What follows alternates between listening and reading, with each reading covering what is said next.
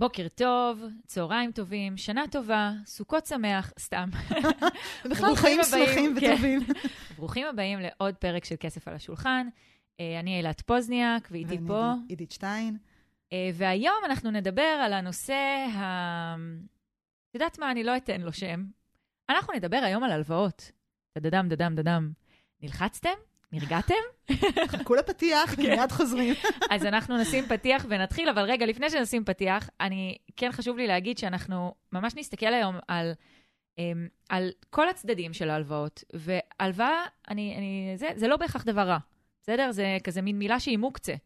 אבל זה לא בהכרח דבר רע, אם משתמשים בה נכון, כמו הרבה דברים בחיים. אה, אז עם המחשבה הזאת תישארו לאורך הפתיח ונתחיל.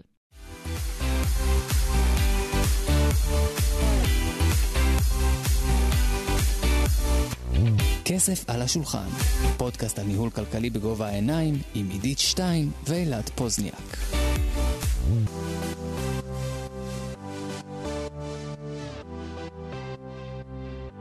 טוב, בואו נתחיל רגע. ממה, מה זה בכלל הלוואה? הלוואה זה כשמישהו, גוף, אדם, זה לא, לא משנה כרגע, נותן לי כסף שאין לי, אוקיי? נותן לי כסף, אה, ואת הכסף הזה אני צריכה להחזיר לו, בין אם במקטעים של פעם בחודש, או בין אם אה, אחרי חמש שנים, אחרי שבע שנים, באיזשהו הסדר שאנחנו קובעים, ואת הכסף אני מחזירה לו עם ריבית, בתוספת ריבית, אוקיי? בדרך כלל. בדרך כלל. נכון, יש הלוואה, נגיד תשלומים, שזה לא המצב. או אבל- יש הלוואה מהמשפחה. או הלוואה מהמשפחה, שזה גם בלי ריבית, סבבה. אבל את מסכימה איתי שרוב ההלוואות, אם לגמרי. נלך על הזה, עם ריבית רוב וריבית ההלוואות, גם משמעותית. וריבית לרוב משמעותית, זה נכון. אה, אז זאת הלוואה, אני קיבלתי כסף, אני עם הכסף הזה משתמשת לאיזשהו צורך שבגללו לקחתי את הכסף, ועכשיו אני צריכה להחזיר, אוקיי? זאת הלוואה. אבל בוא נעשה איזושהי הפרדה. כי התחלת אה, ככה להגיד מקודם, ונכון, שיש אה, הבדל, יש גם דברים טובים בהלוואות. הלוואה, כשאנחנו שומעים אותה ואנחנו ישר מתחילים להתגרד ומרגישים כמו איזשהו בוקס בבטן, אני מהמתגרדים, לא- אגב. אז אני מהבוקס בבטן. זהו, עשינו חלוקה, הכל. טוב, אפשר להמשיך, יופי. אז בקיצור, יש אה, באמת אה, הלוואות שהן גם אה, טובות, שהן מצמיחות אותנו, שהן גורמות לנו לעשות דברים שהם עוזרים לנו כלכלית בסופו של דבר. נכון. אבל באמת, בואו נעשה את ההפרדה, ומי שקרא אולי את הספר אבא עשיר, אבא אני, אה, שם רוברט קיוסקי כותב על זה לא מעט, על ההבדל בין חוב טוב לחוב רע. יאללה, את עושה לנו את ההבדל? אז יאללה, אני אדבר על חוב טוב, את תדברי על החוב הרע. יופי, מוציאה אותי השוטר הרע. היא יוצאת סבבה, נו, אותה ברור, אתם זו אוהבים. הייתה בחירה שלי.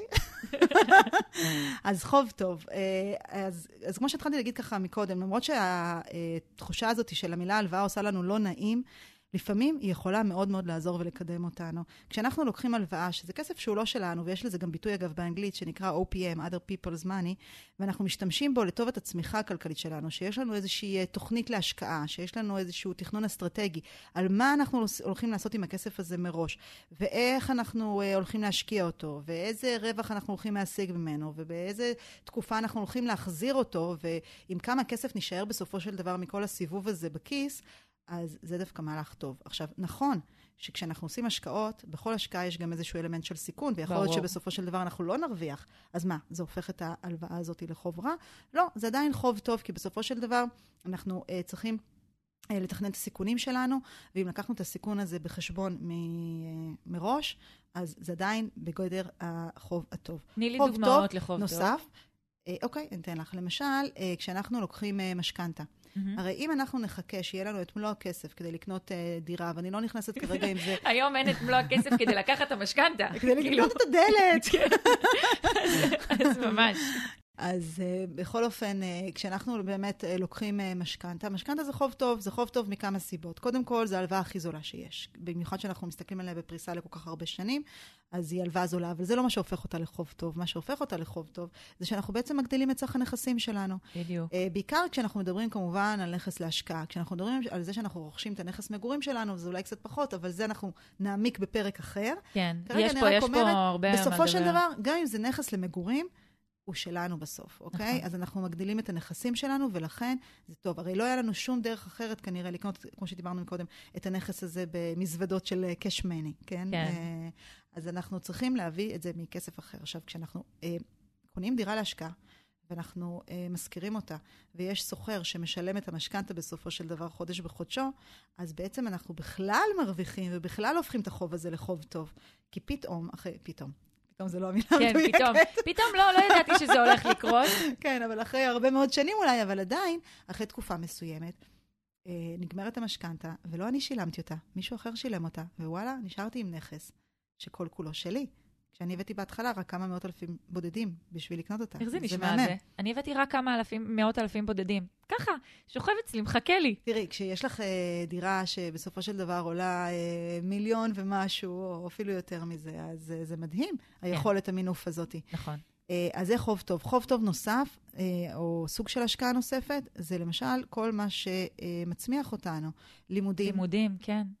או... אה, כאילו מבחינתי חוב טוב זה כל מה שההלוואה שנלקחת לטובתו יכולה להחזיר את עצמה פלוס, פלוס, לצורך פלוס. העניין. כן, כן. כן, גם בעסקים, בעלי העסקים, אנשים עצמאיים שלוקחים אה, אה, הלוואות, כמובן שמתוכננות מראש, ובודקים מבחינה תזרימית שזה מתאים להם, ויש להם את ברור. התוכנית העסקית, איך הם הולכים להחזיר את הפלוס-פלוס שדיברנו עליו, אז זה גם חוב טוב.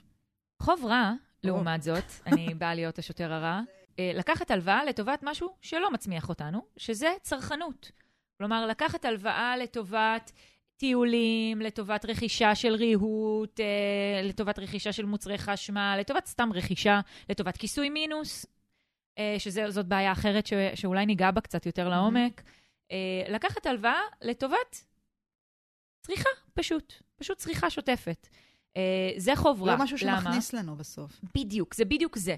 כי אנחנו לוקחים את ההלוואה, ואנחנו עכשיו צריכים, נוסף, נוספה לנו עוד שורה בתזרים שלנו, שאנחנו צריכים להחזיר עכשיו, בדיוק, עידית עושה כזה, אתם לא רואים, היא עושה כזה כאילו תיק על הגב כזה, כן. כאילו יש לנו עוד מסע עכשיו על הכתפיים שאנחנו צריכים לספוג, עוד כמה סלעים ואבנים שנכנסו לתוך התיק הזה. אה, ו... ועכשיו אנחנו צריכים גם להחזיר את זה, וגם השתמשנו כבר בכסף הזה. כשאת תיארת חוב טוב כמו משכנתה, אז מה אמרת? אמרת, מישהו אחר משלם את הדבר מהמם. הזה. עכשיו, גם אם זה דירה למגורים, אגב, אז אתם לא משלמים שכירות במקביל, בסדר? מבחינתי זה, זה בסדר, העניין הזה. אה, אם זה לימודים, אז סבבה, בשנה הראשונה, עד שתסיימו את הלימודים או עד שתפתחו את העסק שלכם, אז יהיה קצת יותר קשוח, אבל המ- המטרה היא ארוכת טווח, ואנחנו מדברים על שנתיים, שלוש, ארבע, אתם תחזירו את הכסף פלוס, פלוס, פלוס. כשאתם לוקחים הלוואה לטובת, למשל, וואי, הולכים לסקול אותי פה, רכישת רכב, זה בעייתי, כי הרכב רק מאבד מערכו, וזה, הנה, עידית עושה לי פרצופים, ידעתי שלא תסכימי איתי. אני כאילו ממש איזה. אה, הרכב, בעיניי, הרכב מאבד מערכו, והרכב, כל דקה שהוא על הכביש, הוא מאבד מערכו, גם כשהוא בחנייה ולא נסעתי איתו. אה, וזה משהו שהוא הוא, הוא ממש צריכה, או לקחת הלוואה, גם על זה את לא מסכימה איתי, לא משנה. לקחת הלוואה כדי, למשל, לממן טיול לחו"ל, לא, אני לא לגמרי לא לא. מסכימה. נכון, אנחנו אנחנו תכף ונחדד זה. את הנקודה נכון, הזאת, נכון, כי אני בסדר, מסכימה בסדר. איתך, חוץ ממקרה חוץ יוצא יוצא דופן, כן. אה, אז כשאתם משתמשים בכסף הזה, אתם בעצם מאבדים אותו. ואז אתם עם עוד מסע על הכתפיים שצריך לשלם את החזר ההלוואה, אוקיי? אז זה כאילו הלוואה שמצמיחה, לעומת הלוואה שלא מצמיחה. קורה לנו גם משהו כשאנחנו לוקחים את החוב הרע הזה, הרי למה אנחנו לוקחים אותו? כי אין לנו את היכולת לממן את זה בעצמנו. אם זה את נכון. החופשה, אם זה את הרכב, ואם זה סתם את המינוס, אוקיי? סתם. אה, אז, ואז, אם לא יכולנו לממן את זה מראש, עכשיו אנחנו שנוכל? עוד יותר כן. מקטינים את ההכנסה הפנויה שלנו. כלומר, סתם דוגמה, אם אנחנו מכניסים בחודש 20 אלף שקלים, אוקיי? והכסף הזה לא מספיק לנו כדי שנוכל לחסוך כל חודש כדי לשלם את החופשה הבאה שלנו, לצורך העניין, ועכשיו לקחנו הלוואה, ועל ההלוואה הזאת אנחנו צריכים להחזיר אלף שקל בכל חודש, אז עכשיו יש לנו רק 19 אלף שקל פנויים לכל ההוצאות השוטפות שלנו, והסיכוי שעכשיו נצליח לחסוך לחופשה הבאה, והרי תהיה חופשה הבאה עוד יותר קטן. נכון, ולכן זה אני, אני אוהבת... למאוד רע. אני אוהבת לקרוא לזה הלוואה, לקרוא לה, לה, כאילו, איך עושים את זה? אז הלוואה הפוכה. תחשבו שזאת הלוואה. כשאתם חוסכים, תחשבו שזאת הלוואה, כי הרי כשאתם לוקחים הלוואה, הבנק או כל גורם אחר שלקחתם ממנו את ההלוואה, יושב לכם על הצוואר, נכון? אתם מוכרחים להחזיר. אם תתייחסו לחיסכון כאל הלוואה, בקונספט, כאילו, אתם עכשיו אה, חייבים להחזיר את ה-500, את ה-1,000 שקל האלה, שימו סעיף תקציבי של הדבר הזה, ותשימו את הכסף בצד, ככה אתם חוסכים בעצם ליעדים. זה גם נושא אחר שאפשר להרחיב עליו, אבל כאילו להתייחס לדבר הזה של הכורח כהחלטה. אני עכשיו חוסכת, אז, אז זה כאילו מישהו יושב לי על הצוואר, כי כשלקחתם הלוואה אין לכם ברירה, נכון? נכון. טוב, אז uh, כיסינו את החוב טוב, חוב רע. בואו נדבר בעצם על uh, סוגים של אה, הלוואות. יאללה. כי אנשים בעצם, הרבה פעמים כשאני מדברת עם אנשים על הלוואות, אז אני מגלה שחושבים רק על, אה, את יודעת, על הלוואה רגילה שלוקחים מהבנק או מחברת אשראי כזאת ואחרת. אז למה את מתכוונת יש בסוגים? עוד, עוד סוגים של הלוואות. בעצם יש לנו, אה, בוא נדבר על חלוקה לתשלומים. הרבה מאיתנו, וואי, וואי, וואי, אני... את מה? קשה לי, קשה לך? קשה לי. אבל הרבה, זה משהו שמאוד אנחנו רגילים, ואת יודעת, את. הולכת לקופה ושואלים אותך, זה משהו שהוא מאוד טבעי לחלק לתשלומים. תשלומים זאת ממש הלוואה בעיניי. הלוואה לכל דבר. כמו שאמרת מקודם, אם נוספה לי עכשיו שורה, נכון? דיברנו על שורה בתזרים שנוספה לי, ועכשיו יש לי פחות הכנסה פנויה, מה זה תשלומים? זה בדיוק אותו דבר. בדיוק אותו דבר. בדיוק אותו דבר. נכון. אז כאילו זה גורם... אז את יודעת מה אנשים אומרים אומרים, לי? אני לא משלם ריבית. בדיוק, בול. אבל זו הלוואה בלי ריבית. זה עדיף מאשר לקחת הלוואה.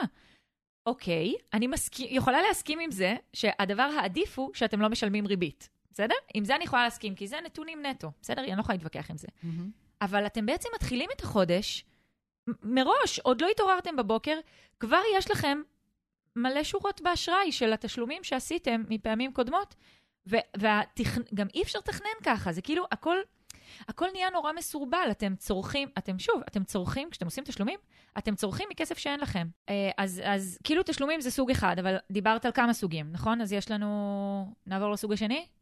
אה, סוג נוסף של הלוואה זה מינוס. אנחנו אה, נוטים לחשוב שבגלל שיש לנו את האפשרות להיכנס אה, לחריגה באשראי שלנו, וזה קל, זה, נורא. זה קל נורא, וזה, אגב, אנחנו המדינה היחידה בעולם שמאפשרת את זה.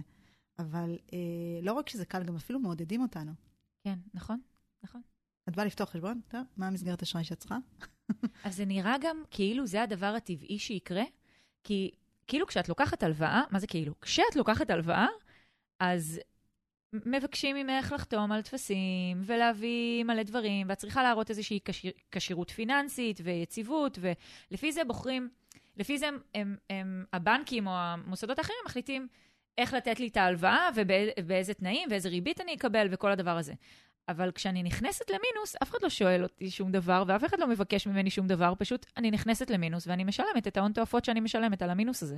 יותר מזה, גם גורמים לנו, גורמים לנו לחשוב שהמינוס זה משהו שהוא נורא לגיטימי, הוא כאילו כסף שלנו. את יודעת, אני שואלת אנשים לפעמים, אתם בחריגה?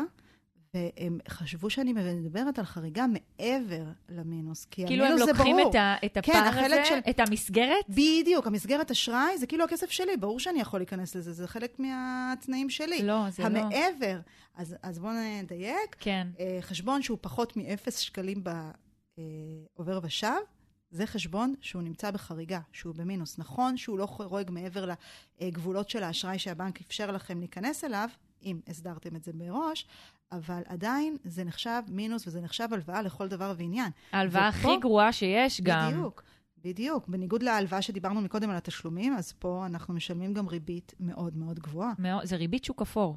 ריבית יודעת, מינוס זה ריבית שוק אפור. בזמן עכשיו שאנחנו מקליטות את הפודקאסט, אנחנו אה, כל הזמן, אה, בנק ישראל אה, הולך ומעלה את, ה, את ריבית הפריים, שעל הבסיס שלה מתבססת הריבית שאנחנו משלמים את ה, על המינוס שלנו, כן. וזה פשוט מטורף.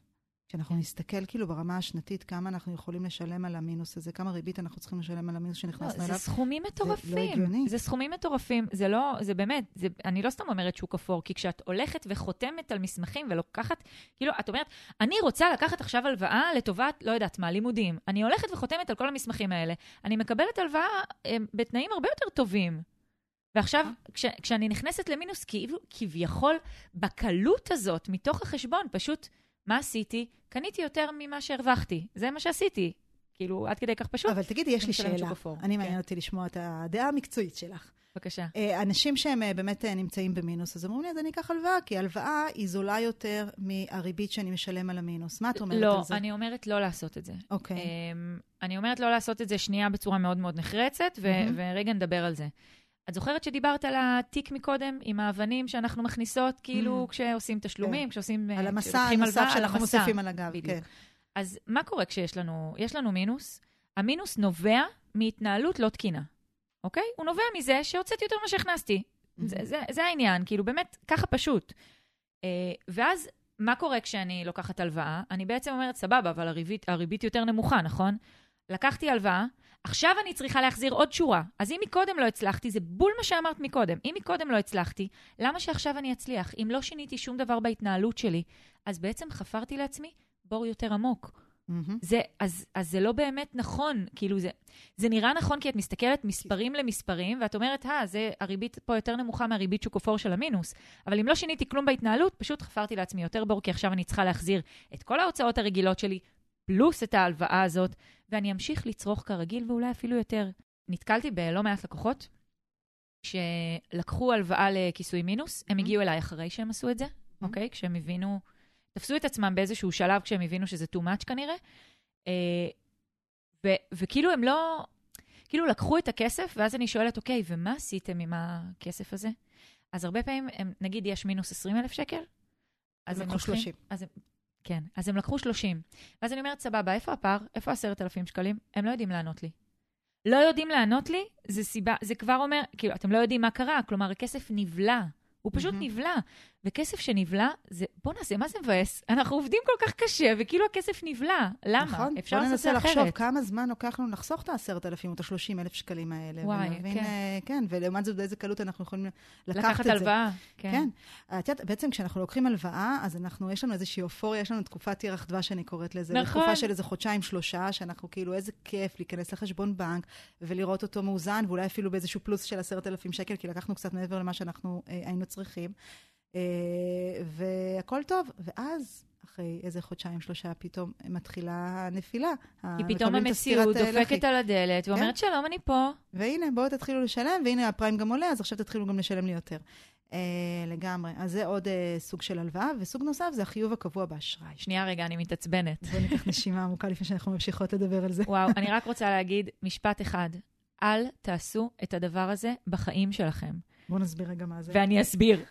שנייה. כי בשאר הדברים אני, אני יכולה להיות מאוד נחרצת, אבל בסדר, דיברנו וזה וזה. זה, זו, זו תקלה חמורה. מה קורה?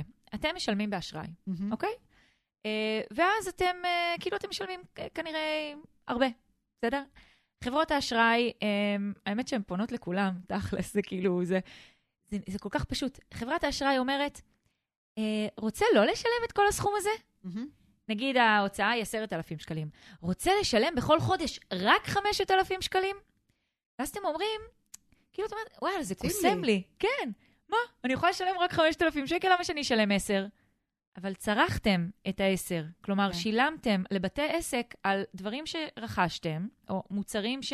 מוצרים שרכשתם או שירות שקיבלתם, אה, והכסף הזה צריך להיות משולם לבתי העסק. אז מה בעצם קורה? מה המנגנון שעומד מאחורי הדבר הזה? אנחנו משלמים לח... לחברת האשראי, כאילו לעסקים, את ה-5,000 שקל. חברת האשראי לוקחת את הפער, שזה ה-5,000 שקל, נכון? כי אמרנו שצרכתם 10. 10,000, כן. מוסיפה עליו ריבית, ריבית שוק אפור, נכון. מוסיפה עליו ריבית שוק אפור, שמה את זה במין סל כזה, בשבילכם. בחודש שבו אתם תוציאו רק 4,000 שקל, נכון, מהמם. הגדרנו אה, סף של 5,000? בחודש שנוציא פחות מה, מהסף הזה שזה בערך שהגדרנו, אף פעם לא יקרה. זה בערך אף פעם לא יקרה. זה פחות מחצי ממה שצרכנו כן, בדרך לא, כלל. זה לא סביר. Uh, אבל לקחתי פה דוגמה קיצונית, בסדר? זה כן. יכול להיות גם בדוגמאות פחות קיצוניות מהדוגמה שאני לקחתי.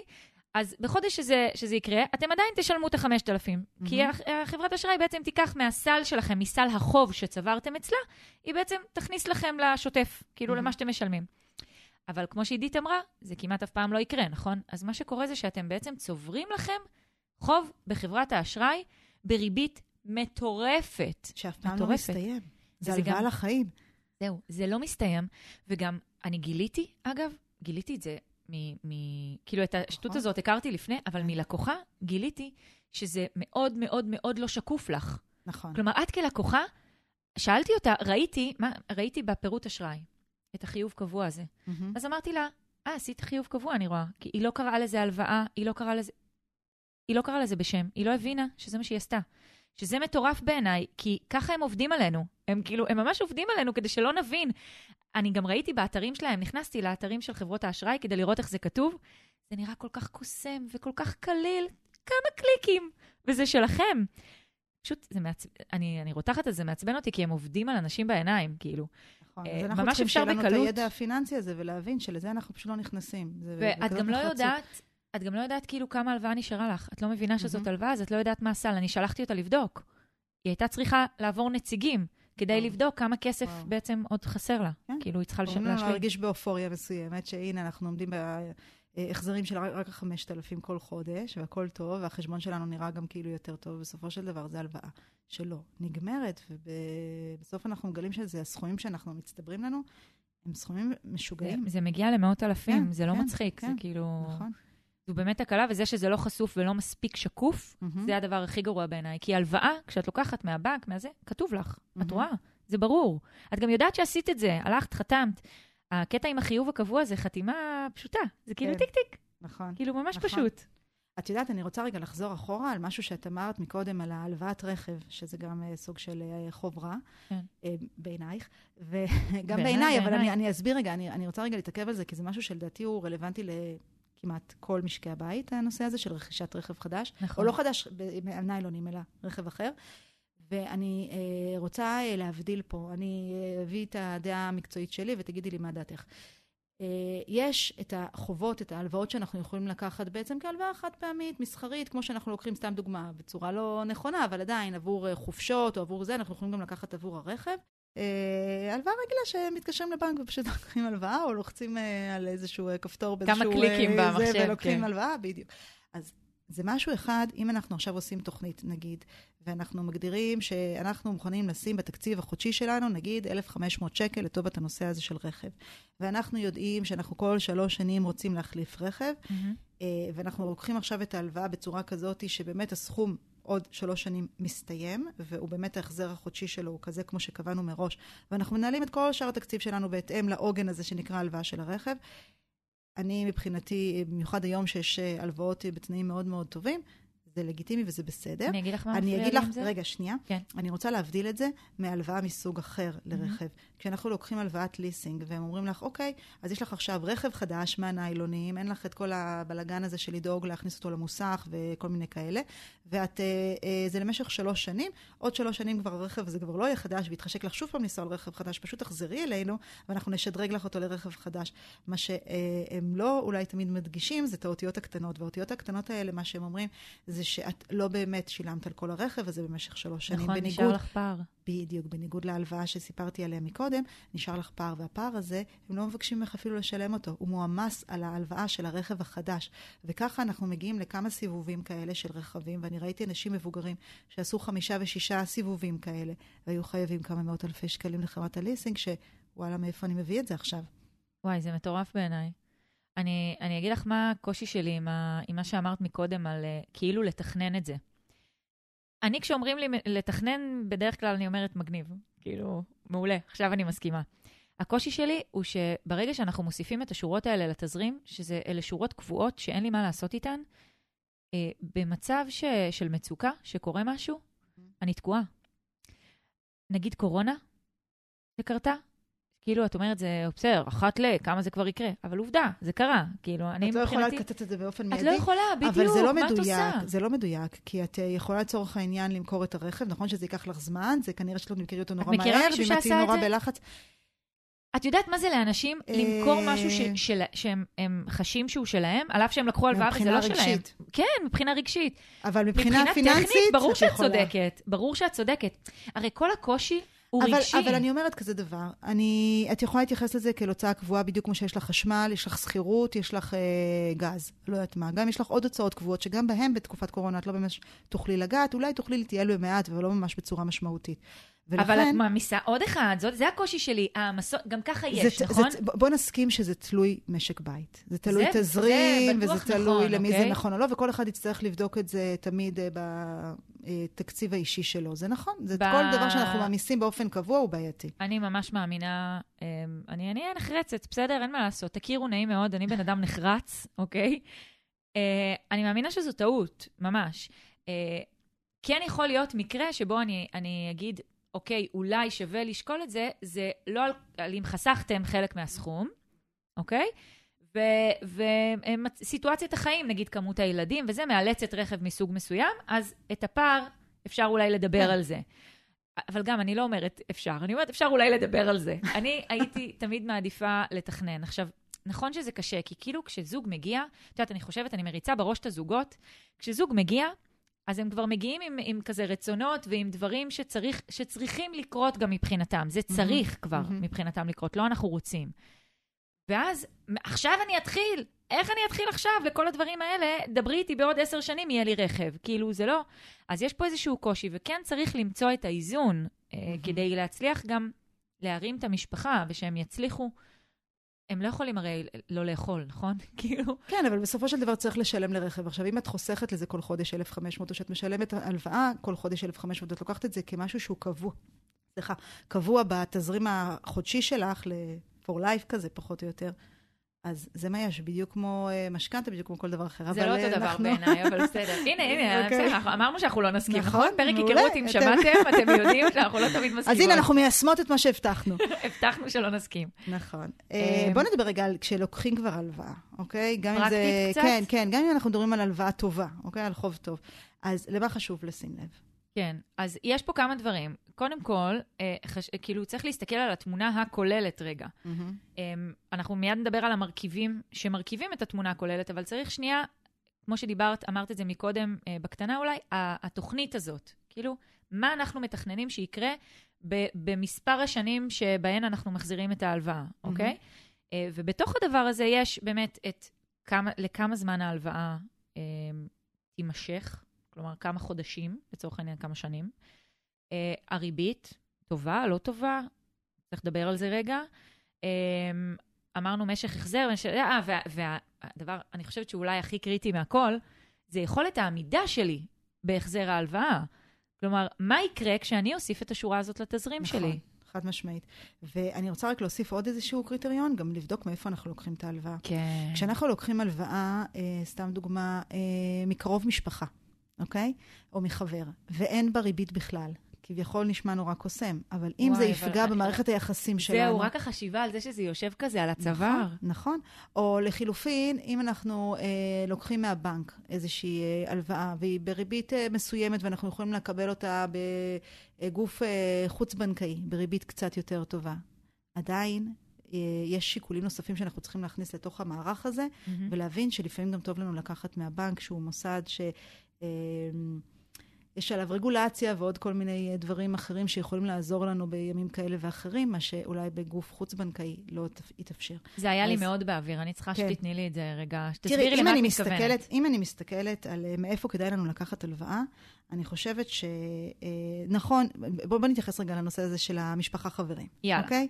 אז כמובן ששם זה הריבית הכי טובה מבחינת הריביות בדרך כלל, וגם uh, הכי גמישה. הרבה פעמים אנשים מגיעים אליי ואומרים לי, כן, ההורים שלי נתנו לי הלוואה, אמרו לי, כשיהיה לך תחזיר, אוקיי? כן. אבל כשיהיה לך תחזיר הזה, הוא uh, יכול להיות מאוד נחמד ביום הראשון, ויכול להיות שכשאתם לא עושים באמת תיאום ציפיות ביניכם, ואולי אפילו תיאום ציפיות כתוב ביניכם, mm-hmm. זה יכול להוות קושי. כי אנחנו לא יודעים, עכשיו הכל טוב ויפה, וההורים לא צריכים את הכסף, ואתם אין לכם איך לשלם כרגע, והכל טוב, אבל אם לא תכננתם אה, אתם לא נערכתם, נגיד, להחזיר, כי אמרתם שזה יהיה ביום אחד, כשיהיה לכם. כי הם אמרו לי לא כשיהיה לי. בדיוק, וכשאנחנו לא נערכים מטבע הדברים, אין לנו. ואז פתאום מגיע היום האחד הזה, כי אח שלכם, סתם דוגמה, צריך גם כן עזרה באיזשהו משהו שלא צפיתם מראש, ופתאום ההורים מגיעים... או קרה משהו וההורים צריכים את הכסף חזרה. או סתם בא להם לנסוע עכשיו לאיזשהו אה, טיול ממושך. זה הכסף שלהם. וזה הכסף שלהם, בדיוק. ואתם לא נערכתם לזה, אופס, מה עושים עכשיו? ולכן, מה שאני רוצה להמליץ זה שאם אנחנו כן פונים לגורם הזה, לאפשרות הזו, אז אה, כן להסדיר את הדברים האלה בצורה כתובה. אפילו שזה ההורים שלכם, אנשים שאתם הכי אוהבים בעולם וסומכים עליהם, והם עליכם. עדיין, כשאנחנו עושים את הדברים בצורה מסודרת, גם כשקורה חס וחלילה משהו כזה, אז אה, לא נקלעים למשברים אה, אישיים. כן, אני חושבת שגם עצם הישיבה כדי לכתוב את זה, תעלה את כל הנושאים שיכולים לעלות, ואז כאילו זה מציף את זה. ברגע שאת יושבת mm-hmm. ואומרת, אוקיי, אמא, אבא, בואו בוא נכתוב את זה רגע, כדי שיהיה לנו מסודר, שאתם תבינו אותו דבר כמו שאני מבינה, שזה יהיה זה. אז עצם הישיבה הזאת תגרום לנו, לכל אחד להעלות את הסצנריו הבעייתיים, כדי נכון. להעלות את זה בעצם על הכתב. כי נכון. כשזה לא ככה, זה כמו שאמרת, יאללה, טוב, אני אחזיר מתי שיהיה לי. נכון, וזה גם מיישר קו, גם אנחנו יודעים למה להתכונן. כלומר, הם צריכים את הכסף בעוד שלוש... וגם ההורים יודעים. או מי שנתן. וגם כן. אנשים נוספים. למשל, סתם דוגמא, לקחתי מההורים שלי, ומחר מתגלה לאחד מהאחים שלקחתי, אז, אז הם, יש את ההסכם, הכל בסדר, הכל מסודר, הם יודעים מראש. או אם זה לקחתי מחבר, אז אשתו, סתם דוגמה, אה, גם כן, הכל מסודר כן. במסמך שכתבנו. אז זה דבר אחד. אבל במידה ואנחנו לא... לא הלכנו לערוץ הזה מסיבות כאלה ואחרות, כי אין אפשרות, או כי אנחנו לא רוצים להכניס אה, אה, ראש בריא למיטה חולה. אני חושבת ביזנס שהדיפולט... ופלז'ר, לגמרי. אל תערבבו. כן, עדיף. ואני חושבת שהגורם הראשון שאני הייתי אה, מציעה לפנות אליו אחרי זה, זה לבנק. לבנק שבו אנחנו מנהלים את העובר ושב שלנו. אז יש לי שאלה פה רגע. כן. אמ, למה לבנק ולא למקומות כמו קרנות השתלמות וקרנות פנסיה שיכולות לתת אה, ריבית יותר את טובה? יודעת מה? זו נקודה מצוינת. אה, זה תלוי לאיזה סוג של אה, הלוואה ולאיזה מטרה.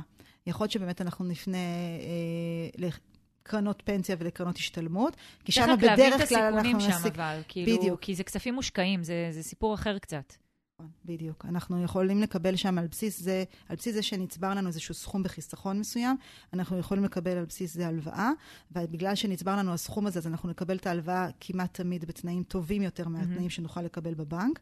יחד עם זאת, צריך לראות שאנחנו באמת נערכים אליהם נכון. כי אם תכננו שהכספים האלה, סתם דוגמה, ישרתו אותנו בפנסיה, ואנחנו עכשיו לא עומדים בהחזר התשלומים, אז החברת הקרן פנסיה יכולה לה- להכניס את היד שלה לתוך הקופה שלנו, ופשוט למשוך את הכספים משם. ב- באותיות. הקטנות זה ממש כתוב שגם אם קורה משהו, כאילו לא רק אתם לא מצליחים להחזיר, אלא גם אם קורה משהו במשק, ופתאום יש מלא נפילות, ופתאום יש דברים, וכאילו בית ההשקעות יכול לקחת את הכסף, זה כתוב. בדיוק. אה, ומעבר, ודבר נוסף, שברגע שעושים את זה, שלוקחים הלוואה על חשבון אה, קרנות פנסיה, קרנות השתלמות, אה, הם אלה, בתי ההשקעות, הם אלה שיחליטו מה תהיה רמת הסיכון של המסלול של הכסף שלכם. הרי כל המטרה בלעשות את של זה... ההשקעה, של הכספים שכבר חסכנו. בדיוק, כי כאילו כל המטרה בלעשות את זה, היא- אה, אח- יש שתי מטרות. אחת זה הריבית הנמוכה אה, יותר, והשנייה זה זה שהכספים ממשיכים לצבור, ריבית דריבית, וכאילו כל, כל מהמם. הכיף הזה. מהמם. אבל בית השקעות אומר, רגע, אני לקחתי פה סיכון עכשיו, אני נותן לכם כסף שלי, אני עוד לא נותן לכם את הכסף שלכם,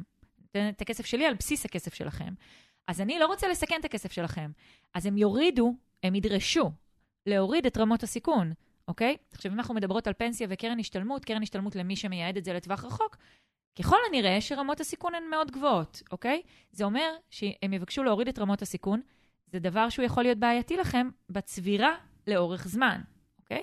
משהו ששווה לחשוב עליו. כמו שאמרת מקודם, צריך להסתכל על התוכנית בכללותה. בדיוק. אז זה אחד מהדברים. בדיוק. זה, זה סיכון לעומת התועלת שתקבלו פה, וצריך לראות רגע מה הדבר הנכון. מהמם. אבל יש גם עוד גורמים בתוך המשק שמהם אנחנו יכולים לקחת הלוואות, כמו אה, גורמים חוץ-בנקאיים, אה, כרטיסי אשראי. את הולכת היום לסופר, מציעים לך אה, הלוואה. אה, את פותחת את האינטרנט, כל שנייה קופצת לך פרסומת, בואו קחו הלוואה, וצריך לבדוק טוב מאוד ממי אנחנו לוקחים את ההלוואה. את כל התנאים, את, ה, את, את היציבות של המוסד הזה שנותן לי את ההלוואה. שנייה. וגם את כאילו. האמינות שלו. את יודעת, יש הרבה כן. גורמים שהם אה, מתחזים, אה, ככה זה, זה, לגורמים מאוד אה, מכובדים נקרא לזה, ומאוד מעונבים, ובסוף מדובר אה, בגורמים קצת מפוקפקים. צריך לשים לב ממי אנחנו לוקחים את ההלוואה. כן. אה, נכון שאם אנחנו לקחנו הלוואה, אז הצד השני צריך לחשוש יותר מאיתנו, אבל עדיין אנחנו נרצה לעשות את זה מול מוסד אה, מסודר.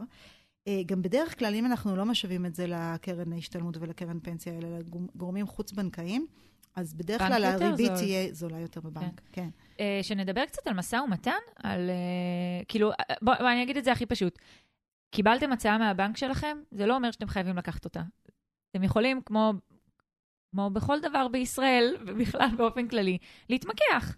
זאת אומרת שאתם יכולים ללכת לבנק אחר, אם, אם זה מה שהחלטתם, אתם יכולים ללכת לקרן השתלמות, אתם יכולים ללכת לכל מקור אחר, לקבל, אני מציעה לפחות שלוש הצעות, מהמם. Um, כמו שאתם עושים, אני מקווה, בביטוחי רכבים וכאלה, אז אותו דבר. ואז להתחיל את המקח הזה, ואין שום בעיה, אה, תקני אותי אם אני טועה, אבל לקחת uh, הלוואה גם בבנק שאני לא מנהלת בו את חשבון העו"ש, או אתם יודעים מה, אפשר אפילו להעביר, כאילו זה, זה משתנה, האמת. זה משתנה מבנק לבנק. אפשר אבל גם כן. להעביר, כאילו צריך uh, משכורת פשוט, צריך הכנסה של משכורת בשביל, נכון. היצ... כאילו, נכון. שהבנק יגיד, היי, שווה לי, כאילו, אני לא, אני לא לחוץ ממנו. כן. אה, ואז גם משנה את תנאי הריבית ותנאי ההלוואה וכזה. אה, אבל אתם גם יכול... היום בקלות אפשר לעבור גם בבנקים, אז צריך נכון. לחשוב אם זה שווה לכם או לא שווה לכם. כאילו, יש פה כמה דברים שכדאי להסתכל עליהם. כן הייתי הולכת ובודקת אה, ב- במספר מקורות, ולא לוקחת מיד את ההצעה הראשונה שאני מקבלת. אפשר גם יותר מזה, אפשר ללכת לכמה מקורות, לא במטרה באמת לקחת מהם את ההלוואה, אלא בסופו של דבר לחזור לבנק המקורי שבו אנחנו מנהלים את העובר ושב שלנו ולהתחיל לנהל איתם משא ומתן. כן. אנחנו צריכים להבין שבסוף, כמו שדיברנו על זה לדעתי כבר באחד מהפרקים, שבנק זה, זה שוק. זה פשוט חברה שמוכרת כסף. בדיוק כמו ממש. שיש חברה שמוכרת בגדים או קוסמטיקה או כל דבר אחר. ולכן אה, צריך, חובה, לנהל את המשא ומתן הזה. אתם תתפלאו איך במשא ומתן אפילו פשוט ומהיר, אתם יכולים להשיג תנאים טובים מה? יותר. כמות הדברים ו- שראיתי ברשת על כזה, רק אמרתי לה שאני עובד, לבנקאית, כן. רק אמרתי לה שאני הולכת לבדוק הם בבנק אחר, בום, הורידה לי עוד איזה שני אחוז, כאילו. ראיתי. אפשר, ברור שאפשר. כן. אני אני, כאילו, בלי זה, הכי פשוט, תשאלו, מקסימום יגידו לכם לא. סבבה. אז תלכו למקום אחר או תבדקו את האופציות שלכם. אבל לשאול זה לא מזיק. אני, מבחינתי, תמיד שואלת אם יש מה לעשות עם זה, אם אפשר, אה, את יודעת, כמו שעושים בעלי עסקים, יש מה לעשות עם המחיר, יש מה... אותו נכון. דבר גם בבנק, בנק זה לגמרי. עסק. לגמרי. Uh, יש עוד נקודה שאת ככה נגעת בה, שהיא באמת הנקודה לדעתי הכי משמעותית כשאנחנו באים לקחת הלוואה, שזה יכולת ההחזר החודשית שלנו. כן. בעצם כשאנחנו באים uh, לקחת, זה לא העיקר להסתכל רק על הריבית. לפעמים עדיף לנו לקחת אפילו ריבית גבוהה יותר, אבל שיכולת, שהסכום החודשי שנצטרך להחזיר, הוא יהיה תואם ליכולות שלנו מבחינת התקציב שלנו, מהמם. ושלא ניקלע למצב שלקחנו את ההלוואה הזולה ביותר, כי היא פרוסה לפחות שנים, או כי אני לא יודעת מה. כאילו, התמהיל צריך לעבוד נכון. בדיוק. כאילו, כל הסיפור הגדול הזה צריך לעבוד נכון לטובתנו ולטובת הצרכים שלנו. זה הכי מותאם אישית שיכול להיות. כאילו, אין הלוואת אה, בית ספר כזאת של אה, זה הדבר הנכון לעשות. נכון, בדיוק. יש מה שנכון לנו, וכדי שנדע מה נכון לנו, אנחנו צריכים בעצם לנהל איזשהו תקציב. להבין איזה עוד הוצאות יש לנו, וכמה באמת אנחנו יכולים לפנות כל חודש בהתחייבות, מה שנקרא, כדי כן. להחזיר את ההלוואה הזאת. צריך להבין שאם אנחנו לא עומדים בהתחייבות הזאת, יש לזה סנקציות אה, לא, לא פשוטות, כאילו, אנחנו לא רוצים להיות במצב כזה שאנחנו לא באמת עומדים בהתחייבויות שלנו.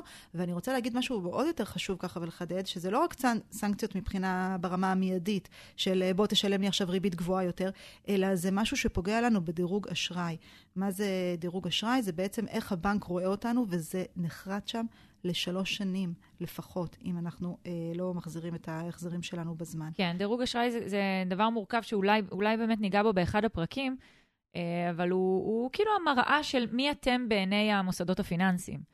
אה, ואתם רוצים להיות הגרסה הכי טובה של עצמכם נכון? מול המוסדות הפיננסיים. כולנו רוצים, זה, זה בסוף מה שייתן לנו תנאים יותר טובים. בדיוק. אה, זה ישרת אותנו במשכנתה, בהלוואות. אחרות, בכל דבר, זה אינטרס שלנו לשמור על הדירוג אשראי הזה אפילו בקנאות, אה, כטוב, כן, כמה כן. שיותר טוב. אה, תגידי, ושאלה שאני נשאלת הרבה פעמים, יש לי עכשיו כסף פנוי ויש לי הלוואה. להחזיר את ההלוואה? וואי, זה, אני, אני אתן לך את התשובה הכי מעצבנת שיש בעולם. תלוי. נכון? איפה זה פוגש אותך? זהו, יש, את האיפה זה פוגש אותך ויש את התלוי. כן. זה ממש ממש תלוי בכל הדברים שאמרנו לפני רגע. כאילו, האם אתם יכולים לעמוד בהמשך ההלוואה? מה אתם יכולים גם לעשות עם הכסף? האם יש לכם איזה אפיק השקעה שיכול להכניס תשואה יותר גבוהה עם סיכון, אבל כאילו. מה הסיכוי שלכם לעשות את זה? כאילו, יש פה הרבה דברים שצריך להסתכל עליהם אה, בתמונה הכוללת, וגם יש, תכלס, מה האופי שלכם? אתם אנשים שכמוני מתגרדים מהלוואות? כי אני, מהר מאוד הייתי מחזירה הלוואות. כאילו, אלא במקרים של השקעה שווה. כן. אני חושבת שזה כאילו ה-trade off מבחינתי. אבל, אבל זאת אני. כל בן אדם, זה, השאלה אם ההלוואה הזאת היא סבבה לכם, ואתם חיים איתה בשלום ובזה, אז אתם יכולים לקחת את הכסף ולעשות איתו משהו אחר. לשים אותו בהשקעה, או לקחת, אה, יש את, אה, את מכירה את ה-70-30, נכון? כן. דיברנו על זה לדעתי. דיברנו על זה, כן, כשאת צחקת עליי, כן. כשאמרתי, אה, אה, אני, אני אסביר שנייה, 70-30 זה אומר כשנופל עליי כסף משום מקום, אז החוק כאילו, כלל אצבע. זה הדבר הנכון להגיד, הכלל אצבע הוא 70 אחוז מהכסף הזה שמים בהשקעה, בחיסכון, ו-30 אחוז לצריכה, לכיף, לאושר, לשמחת חיים, אוקיי? אז כשפרסמתי איזה סרטון על זה, אז אה, צחקת עליי ואמרת לי, את בטוח 90-10, כאילו. אז אמרת לי, אני מאה ממאה. כן. אז כאילו, אני קצת קיצונית. אני קצת קיצונית. אבל סתם, אבל תכלס, כי פשוט כל היעדים מסודרים. אז כאילו, אם מגיע כסף, אז אני אומרת, סבבה, אז אני אוסיף את זה נכון, להשקעות, כי אם הכל מסודר לי, אז... אבל אה, אז, אז בואו נסכם רגע. כדי לקבל החלטה האם אנחנו מחזירים את הכסף הפנוי שלנו כדי לסגור את ההלוואה או משאירים אותו אצלנו, זה בעצם קודם כל האופי, כמו שאמרת. כן. אה, דבר שני זה הריבית שאנחנו משלמים להלוואה, לעומת ריבית שאנחנו יכולים לקבל באלטרנטיבות אחרות. כן, שצריך לזכור גם שריבית שאנחנו משלמים להלוואה היא ודאית, ואלטרנטיבות אחרות הן לא ודאיות. כלומר. אם את לוקחת, אם את שמה את זה בהשקעה, זה נכון, תשואה, זה לא נכון, ודאי. פה, נכון, בדיוק. ודבר נוסף זה מה התוכנית שלנו לכסף. כלומר, אם. יש לנו סתם דוגמה בת מצווה עוד מעט, ו- ואנחנו אולי נצטרך את הכסף, אז זה חבל להחזיר, ועוד מעט לקחת הלוואה אחרת, שהיא תהיה אולי אפילו יותר יקרה. נכון, זו נקודה ממש חשובה, כאילו להסתכל שנייה על, ה, על, על היעדים שלכם בטווח הקרוב-בינוני, ולראות רגע מה, מה לעשות עם זה. אמ, זהו, אני חושבת שנגענו פה בהרבה נקודות ב- בכל נושא ההלוואה. אה, אני חושבת שהדבר המרכזי הוא להבין רגע מי, מי אתם ומה הצרכים שלכם. אה, תמיד יהיה עדיף אה, לחסוך את הכסף לפני שאתם לוקחים הלוואה, אבל דיברנו על זה, יש פה כזה בעד ונגד אה, על דברים שקשורים לצריכה כמו רכב. אה, אמרנו, הלוואה טובה היא הלוואה שמקדמת אותנו, בין אם זה דירה, נדל"ן, אה, דברים כאלה, ובין אם זה לימודים, mm-hmm. משהו ש... פתיחת עסק, דברים כאלה שיכולים באמת להכניס לנו את הכסף, להחזיר את ההשקעה ויותר. כלומר, הלוואה טובה זה הלוואה שהיא השקעה בעצם. דיברנו על נקודות שכדאי לכם לשים אליהן לב. שימו לב לריבית, לגובה ההחזר, במיוחד אם אתם יכולים לעמוד בהחזר או לא יכולים לעמוד בו. ו- ואיך זה גורם לכם גם להרגיש, כאילו, השורה הנוספת הזאת עכשיו, מה, מה, מה היא עושה לכם? Mm-hmm. תשלומים, חיוב קבוע באשראי, מינוס, כל אלה זה הלוואות. חלקן רעות יותר, חלקן רעות פחות, אבל אף אחת מהן לא טובה. Um, זהו. ובכל מקרה, לא משנה אם אתם לוקחים את ההלוואה בגלל חוב טוב, או שחס וחלילה הייתם צריכים לקחת אותו בשביל חוב רע, תמיד לעשות משא ומתן. נכון. תמיד לבדוק את התנאים, ולא למהר וישר, כן, זה מה שהציעו לי, וישר לחתום. אה, וזהו, אני חושבת שאת צודקת. תודה, לפחות בזה. לא, את צודקת במלא דברים, אני פשוט לא חייבת להסכים. אה, אוקיי. טוב, אז אנחנו אה, נמצאות בכל אפליקציות הפודקאסטים שקרובות לאגודלכם. אפשר למצוא אותנו גם בפייסבוק ובאינסטגרם, אותי גם בטיקטוק. אנחנו פה לשאלות שלכם. אם יש לכם שאלות, רעיונות, דברים שמעניינים אתכם, מוזמנים לכתוב לנו בכיף, בשמחה, באהבה. אה, אנחנו נהיה פה בפרקים הבאים, אה, מכינות לכם מלא תוכן אה, כיפי וטוב ומעניין. כיפי, אמרתי כיפי על כסף, קלטת? לגמרי, מבחינתי זה הכי כיפי כסף. ושיהיה לנו שבוע מהמם. יאללה ביי. ביי.